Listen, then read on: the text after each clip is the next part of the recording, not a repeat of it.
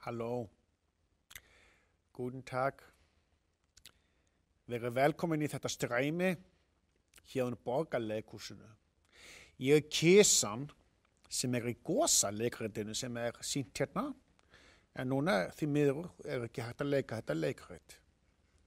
En í staðinn, kæru áforvendur, þá ætla ég að lesa hérna fyrir ykkur ævintýrum styrfilega köttin sem er frændi minn. Vonandi munið þið hafa gaman af. Þetta er ákaflega áhugavert ævintýri sem að kennir okkur ímislegt í þessu lífi. Hefst þá lesturinn. Gjörðu þið svo vel. Einu sinni í fyrndinni var malari sem átti þrjá sinni. Já, genau.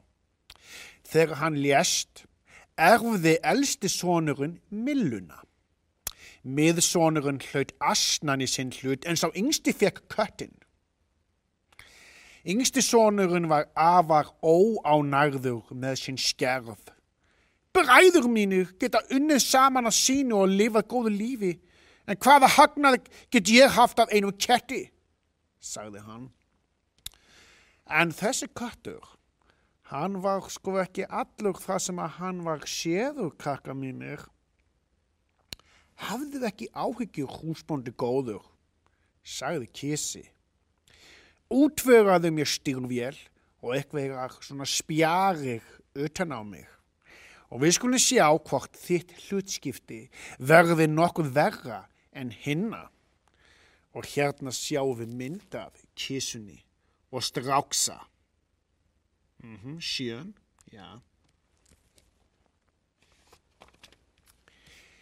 Malarasónurinn var ekki ákaflega trúaður á þetta.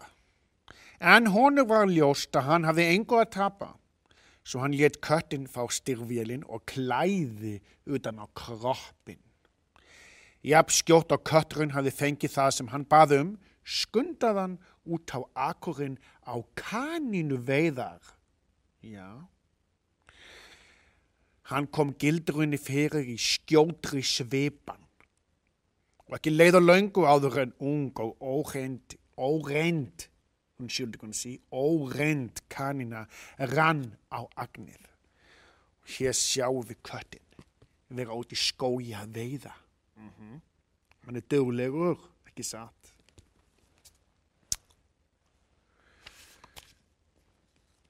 Kötturinn Hjælt nú raglegt til konungshallarinnar með kaninuna í póka sínum og betist þess að ná tali af konungi, der könig.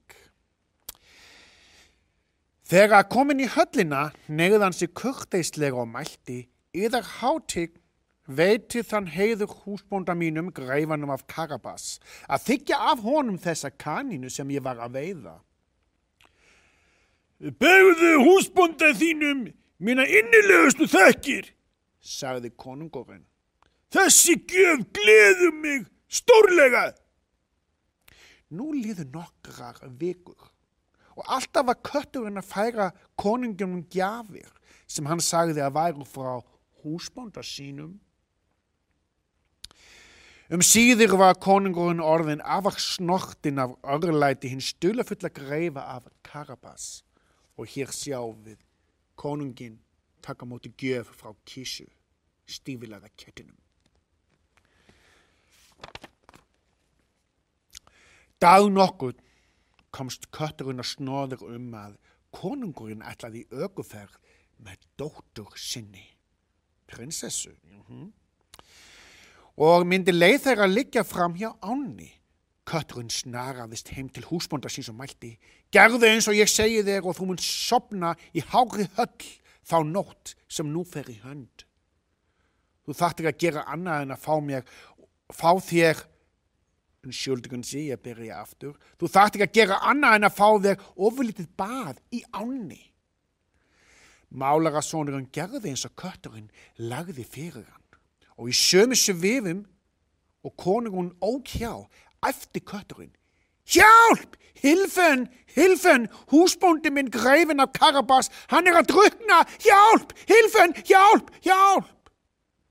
Konungún sá þetta og hann sá köttin sem hafði fært honum alla gjafirna og hann skipaði varmönnum sínum að koma unga manninu sem var í áni til hjálpar. Mm -hmm, skiljiði mig? Og hérna sjáum mynd af kísu vera að baða út öllum öngum þess að bjarga unga manninum, malarasinnunum sem liggur sem í áni án fata. Mm -hmm. Á meðan varmenninni björguðu malarasinnunum sagði Katrin koningi að þjóvar hefði stólið fötum greifans en í rauninni hafði hann falið fata ræfla malarasónarins að pakka við tríi. Konungur mælti svo fyrir að greifin skildi þeirra í stag færður í hinn ferl... Afsækja mér, ég er bara svo æstur, þetta er svo skemmtilegt. Konungurinn mælti svo fyrir að greifin skildi þegar í stað færður í hinn fegustu klæði af honum sjálfum. Konungleg klæði, sem sagt, já. Fötinn fóru malarasinnunum alveg ákveldlega. Sjálfur var hann fríður og föngulegur. Og konungsdótturinn, mhm, muniði prinsessan, hún var yfir sig hrifinn. Konungurinn bauði nú greifanum að slátt í förina. Ungi maðurinn og konungsdóttirinn gáfu hvort öðru auga á leiðinni. Og enginn var vil ég á að sjálf ástinn, die líbe. Hún stóð þar í fullum blóma. Hér sjáum við mynda af kísu og greifanum og ja, malarasinnunum og konunginum og hestavagninum, já. Spennandi. Kötturinn hljópa undan og kom þar að nokkum bændum sem unnu á akri.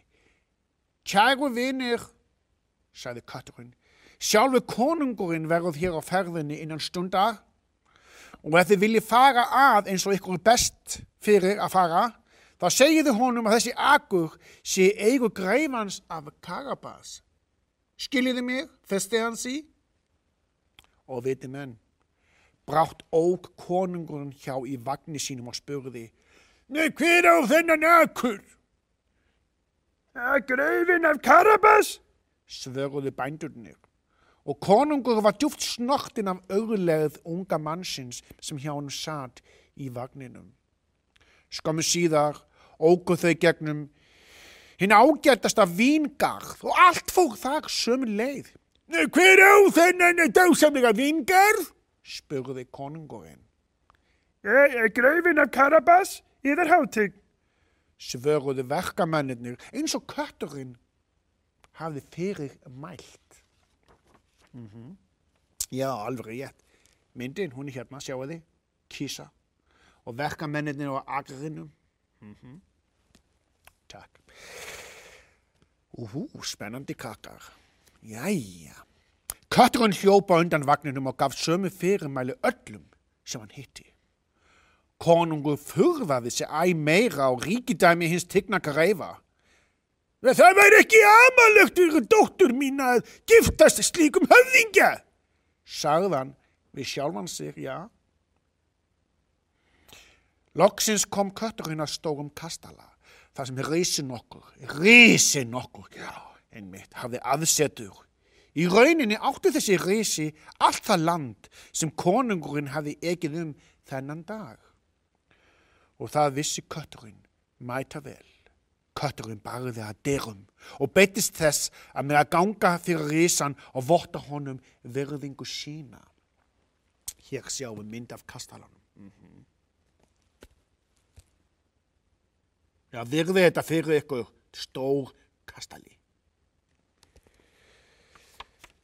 Annur heiður að mér að hitta þér á máli, sagði kötturinn. Fræðið þín hefur borist um óra veru, allarleið þánga sem ég er heima.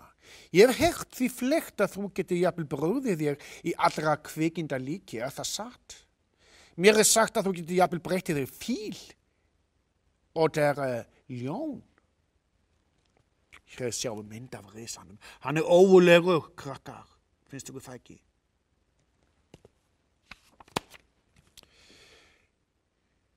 Já, settur það, svaraði rissin. Sjáðu bara. Og samstundis breyttist hann í heljarstókt, urrandi ljón. Kötturinn var skjelvingulostinn og nödraði á beinunum. Og jafnskjótt var risin aftur eins og hann átti að sér að vera.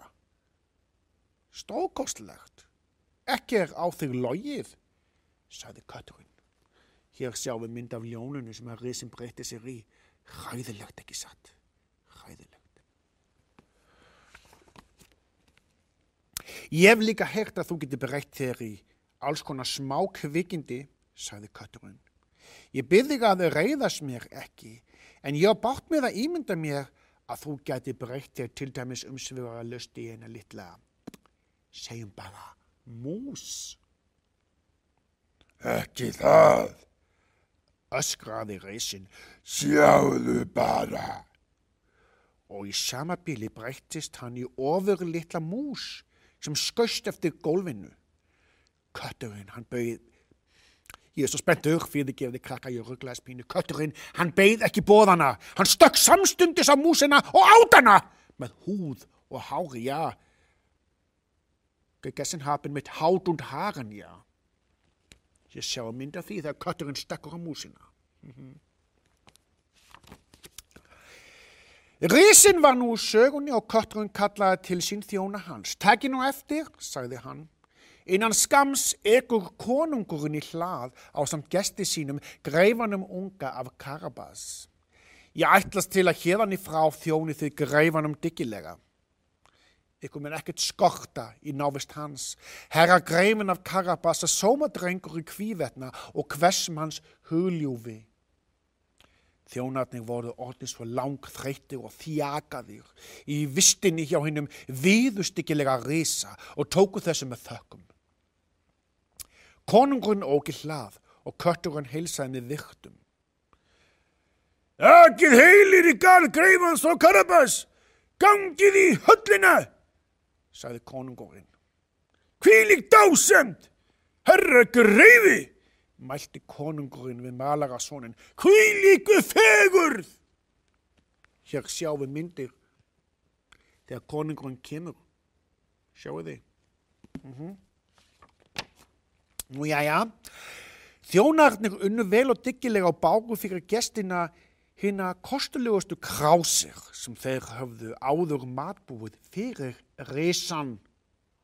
Meðan konungurinn átt og drakk af list sinni snýrist hugur hans meir um auðsælt og mannkosti hins unga greifa og prinsessan netti varla matar síns en skotraði augunum sínum til greifans með ástar bleki. Skiljiði mig, hún var skotin í honum. Kötturinn gæti þess að konungur fengi nóg að drekka og eftir fimm eða sex staup var hann svo var svo komið að konungurinn, hann bauð malarasininum dóttur sína.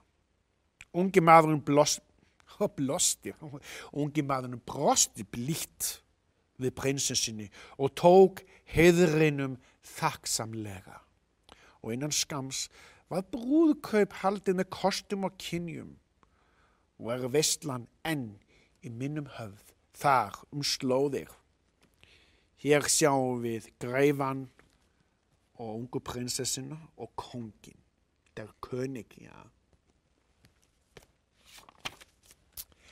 Ungi malarasónurinn stóð nú í mikill þakkarskuld við köttin sinn.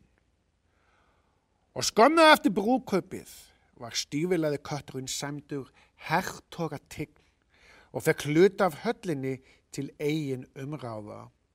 Frá þessu bjóðan við svo mikil þægindi að hann þurfti ekki eldast meira við mís nema þegar honum leittist. Köttur út í mýri. Setti upp á sig stýri úti. Er ævintýri. Tush. Auf Wiedersehen.